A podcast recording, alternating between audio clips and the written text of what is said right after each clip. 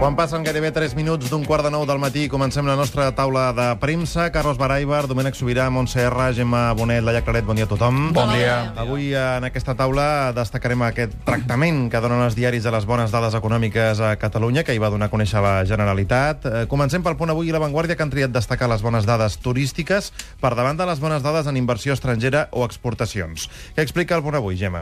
Doncs eh, destaca en portada el tema d'aquestes bones xifres de turisme i diu el, següent titular, via turística. Diu que aquest juliol han arribat a Catalunya més de 2.100.000 turistes estrangers, una xifra de rècord. Malgrat tot, això sí, el Pirineu i les Terres de l'Ebre assenyala són els menys beneficiats per aquesta arribada de visitants. La nota negativa després en planes interiors eh, la posa un- el president de la Federació d'Hostaleria de Lleida, Juan Antonio Serrano, que diu que allà, a la zona de Lleida, no hi ha turistes estrangers i que, malgrat que les dades a tot Catalunya són molt bones, en aquella zona s'està encara pagant una mala política turística, diu, que s'arrossega des de fa anys. La Vanguardia també destaca aquestes eh, dades, però parla més en clau espanyola que no pas catalana, Carlos. Això mateix és el principal tema de la portada. També a l'interior diuen que britànics i nòrdics impulsen un any rècord. Destaquen, com deies, dades a nivell estatal, dient que han vingut 34 milions de visitants des del gener i el subtítol especifiquen que el 27% d'aquests han vingut a Catalunya. Com a dades concretes, subratllen, per exemple, que els turistes russos ja superen els nord-americans, tot i que el turisme rus, això sí, diuen, ha crescut un 30%, però només suposa un 2,5% del total. A més, han parlat amb un expert de la Caixa que diu que si l'any passat l'augment de turistes es devia als que venien de fora d'Europa, aquest any les bones xifres són gràcies a la recuperació de mercats com el francès, el britànic o l'alemany i també els nòrdics, que cada vegada es veu que venen més. Cal recordar que, malgrat aquestes dades tan bones de turisme estranger, el turisme interior està molt fluix i els hotelers, els hotelers van dir ara fa uns dies que les dades generals del juliol havien estat dolentes. Doncs bé, un informe també de la Caixa diu que la caiguda del turisme interior també es podria estar frenant.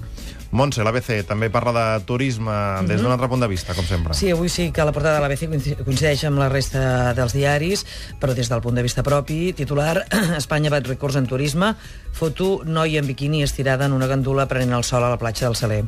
La notícia no porta res de nou, per això m'he llegit l'editorial que dona un cop de mà al govern del PP amb la crisi.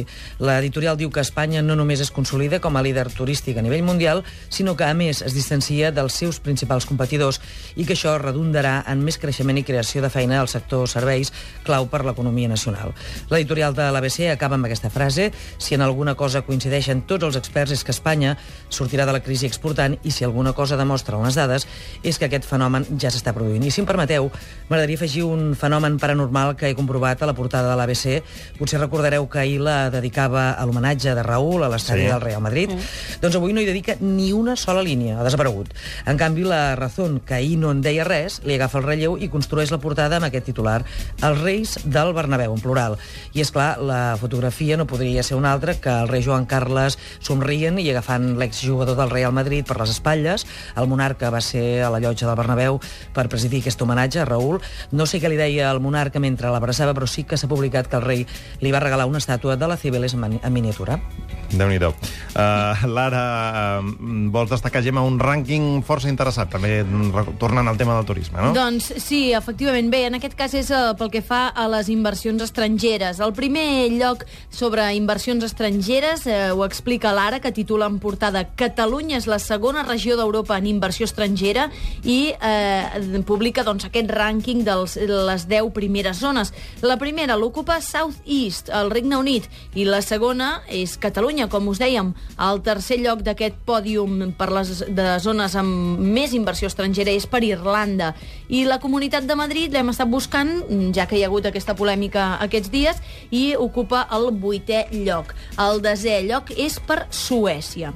També volia afegir un tuit que recull el diari Ara, i és el de Raimon Lapuente, que és desenvolupador de software d'iOS. Diu, els gurus que diuen que el país fa rècord d'exportacions, què esperaven després de 5-6 anys de devaluar el país? El periòdico, Carlos, uh, obre amb Síria avui. Obren amb Síria això mateix, però el que destaquem en portada i la comparativa amb el que estem explicant, els temes eh, relatius a la inversió estrangera i al sector exterior, diuen que el sector exterior aguanta i que Catalunya capta inversió. A l'interior llegim que el govern nega una fuga d'empreses a Madrid i recorden que Catalunya triplica la capital espanyola en inversions. Destaca les declaracions del conseller Felip Puig, que diu que tot plegat és fruit d'una polèmica política estival i que no està fonamentada amb dades. Dels rànquings que explicava la Gemma, també en treuen un altre, el rànquing en creació de llocs de treball per regions a Europa, i Catalunya és la tercera, només pel darrere del sud-est del Regne Unit, que és on, on seria Londres, i d'Irlanda.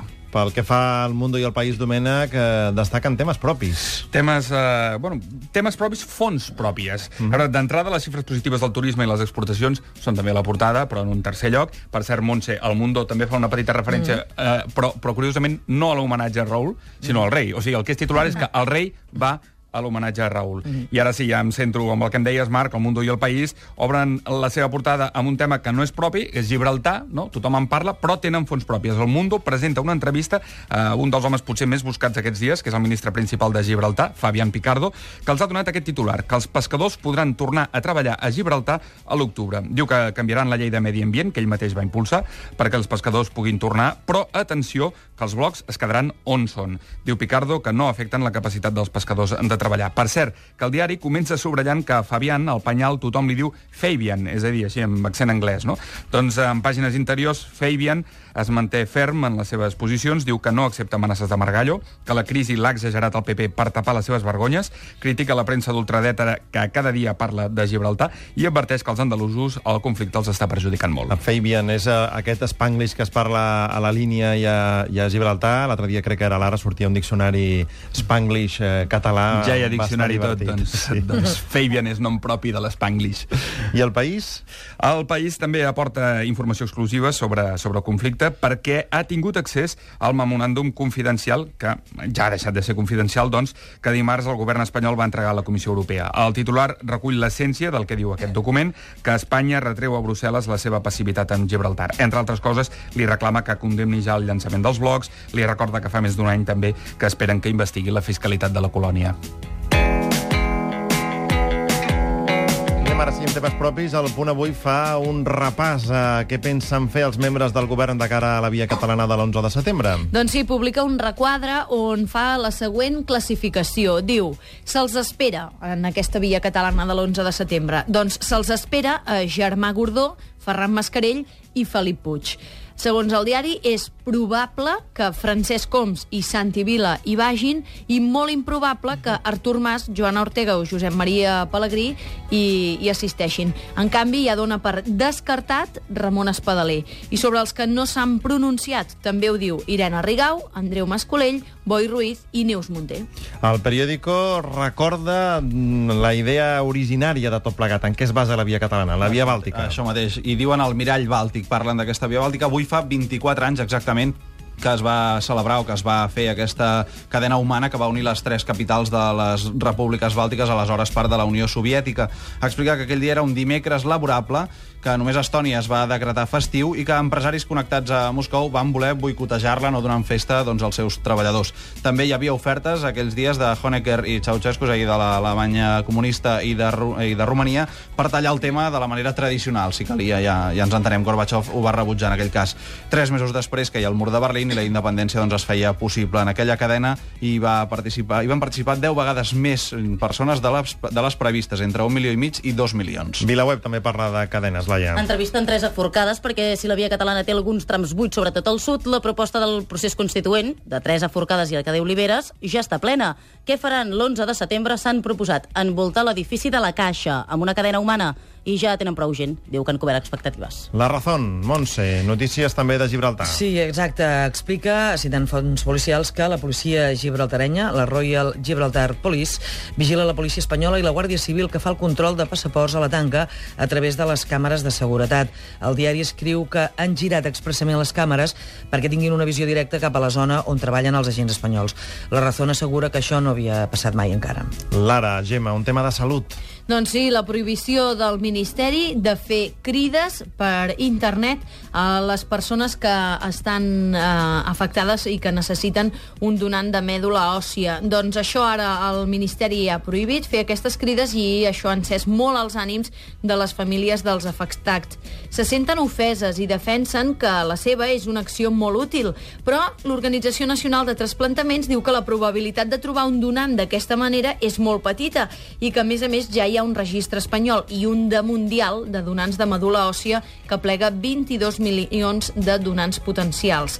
Resulta que, segons l'Organització Nacional de Transplantaments, la inversió que es fa en fer les proves a les persones que es mobilitzen per donar medula, arran d'una crida a internet, per exemple, doncs després no es tradueix en donants reals, perquè quan és l'hora de la veritat, si no són compatibles amb aquell cas que han vist a internet, doncs ja no es volen inscriure en el registre, cosa doncs, que suposa doncs, un, una desavantatge perquè s'ha invertit uns diners per fer proves que després no repercuteixen en els donants reals. Domènec, el Mundo reobre aquesta polèmica de la nutrició infantil a Catalunya? Uh, doncs sí, mm, torna a revifar el tema de la malnutrició. Diu que la Generalitat ja ho havia dit, que ja havia alertat abans que el síndic fes el seu informe, l'informe aquest que ha generat tanta polèmica, doncs la Generalitat ja havia dit que estava augmentant l'obesitat infantil. Apunta el Mundo a l'enquesta de salut de Catalunya que demostrava que l'obesitat provocada pels mals hàbits, com per exemple l'abús del menjar ràpid o la falta d'exercici, havia pujat a causa de la crisi.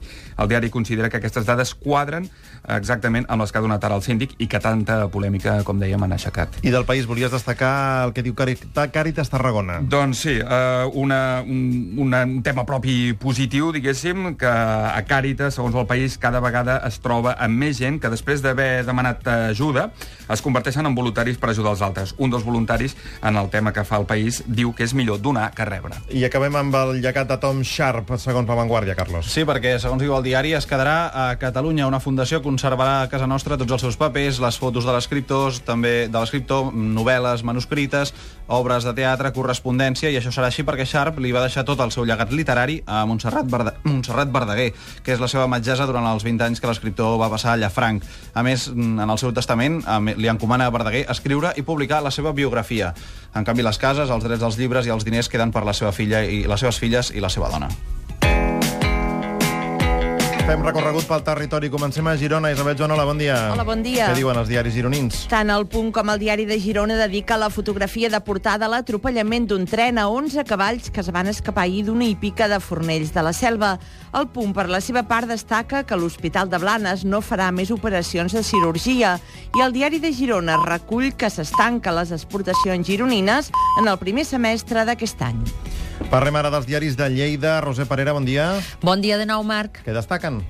Doncs tant el diari Segre com la Mañana es fan ressò de l'homenatge que la Universitat Catalana d'Estiu li ha fet a l'escriptor lleidatà Josep Bellverdú, que celebra 90 anys. Va rebre el Premi Canigó 2013 per la seva fidelitat al país i a la llengua catalana en els anys més difícils. El diari Segre també destaca que Lleida obté un nou rècord d'exportacions al superar els 700 milions d'euros en 6 mesos. Passem ara per Tarragona. Carme Casanyes, bon dia. Hola, bon dia. Fem un repàs als rotatius tarragonins. El diari de Tarragona parla de la detenció dels dos agents rurals que conreaven marihuana a Ulldecona al Montsià amb col·laboració d'un pagès que els ajudava a regar les plantes de grans proporcions.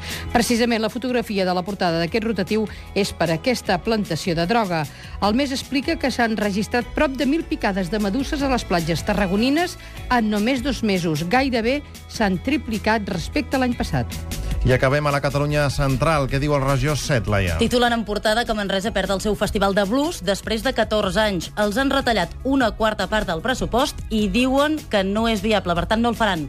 Una altra notícia de portada és que Manresa debat sobre reduir la rotonda d'entrada a la ciutat, el projecte Bona Vista. Doncs bé, el diari titula que l'oposició accepta el projecte amb alguns matisos, però que està encaminat. I també fan un especial als dos catalans que juguen a la Bruixa d'Hort, Joan Creus i Salva Arco, i el titular us agradarà, és aquest, la via catalana del Congost. I acabem amb els temes estiuencs. Eh, El Mundo parla de la duquesa d'Alba. Sí, Notícies sí, sí. Eh, positives. Tinc una exclusiva, tenen una exclusiva, vaja. El titular ho diu tot. La duquesa i Alfonso ja són papàs. I sabent l'edat de la duquesa Cayetana, la veritat és que us ha passat a tots una Sí, mica. sí, que- T'inquietes, no? O et quedes amb molta expectativa. Però aleshores veus que la fotografia la duquesa porta un gosset en braços i comences a Ah, sospitar.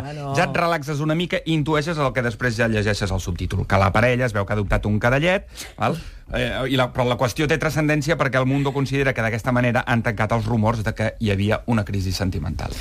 Uh, un gos uh, sempre ho arregla tot. Uh, el público, Laia, ja fan una llista de cançons que per aixecar l'ànim. Sí, en fan una llista de 10 i us en poso alguns exemples. Una l'hem escoltat avui a la cançó de les 8, I Want to Break Free, de Queen. La segona, It's My Life, de Bon Jovi. O, per exemple, I Got a Feeling, de Black Eyed Peas. El País, Domènec, boom de la tapa barata a Barcelona. Boom de la tapa barata. Diuen que cada vegada hi ha més llocs que promocionen la tapa amb beguda inclosa per atreure clientela. Aquí abans en parlàvem, en Carlos diu que al poble sec eh, t'ofereixen tapa era. i beguda per dos euros, Això correcte? mateix. Home, a Granada t'ofereixen Sí? la tapa gratis beguda si demanes tot- una cervesa. no? Sí, sí. No, però encara no hem arribat a aquests nivells, que si no, no tindríem aquestes xifres Ja tan, tan importants de, de, estrangera. econòmiques d'inversió estrangera, exacte. Inverteixen en tapes. Un altre titular també al País, que també té a veure amb el menjar, diu que els grans xefs estan fent servir cada vegada més les xarxes socials per ensenyar les seves receptes al restaurant o el que passa a la cuina. És a dir, el making-of del restaurant el podeu trobar al Facebook, a Instagram, a Twitter... I acabem a l'ara, Gemma, Rambo torna. Sí, torna, però a la televisió. Entertainment One i New Image estan, són dues productores que estan desenvolupant ja un projecte per portar aquesta pel·lícula a la tele. I ja negocien amb Sylvester Stallone perquè formi part d'aquest projecte i del seu equip creatiu, diuen. Que no es pot fer Rambo sense Sylvester Stallone. Exacte, però això no sí... diuen que surti, no? no, no, diuen que formarà part del projecte creatiu, però no saben si acabarà sent el protagonista o no d'aquesta sèrie de televisió. Doncs veurem eh, com acaba tot plegat. Moltíssimes gràcies a tots eh, per aquesta taula de premsa. Bon dia, fins ara. Bon dia. Bon dia.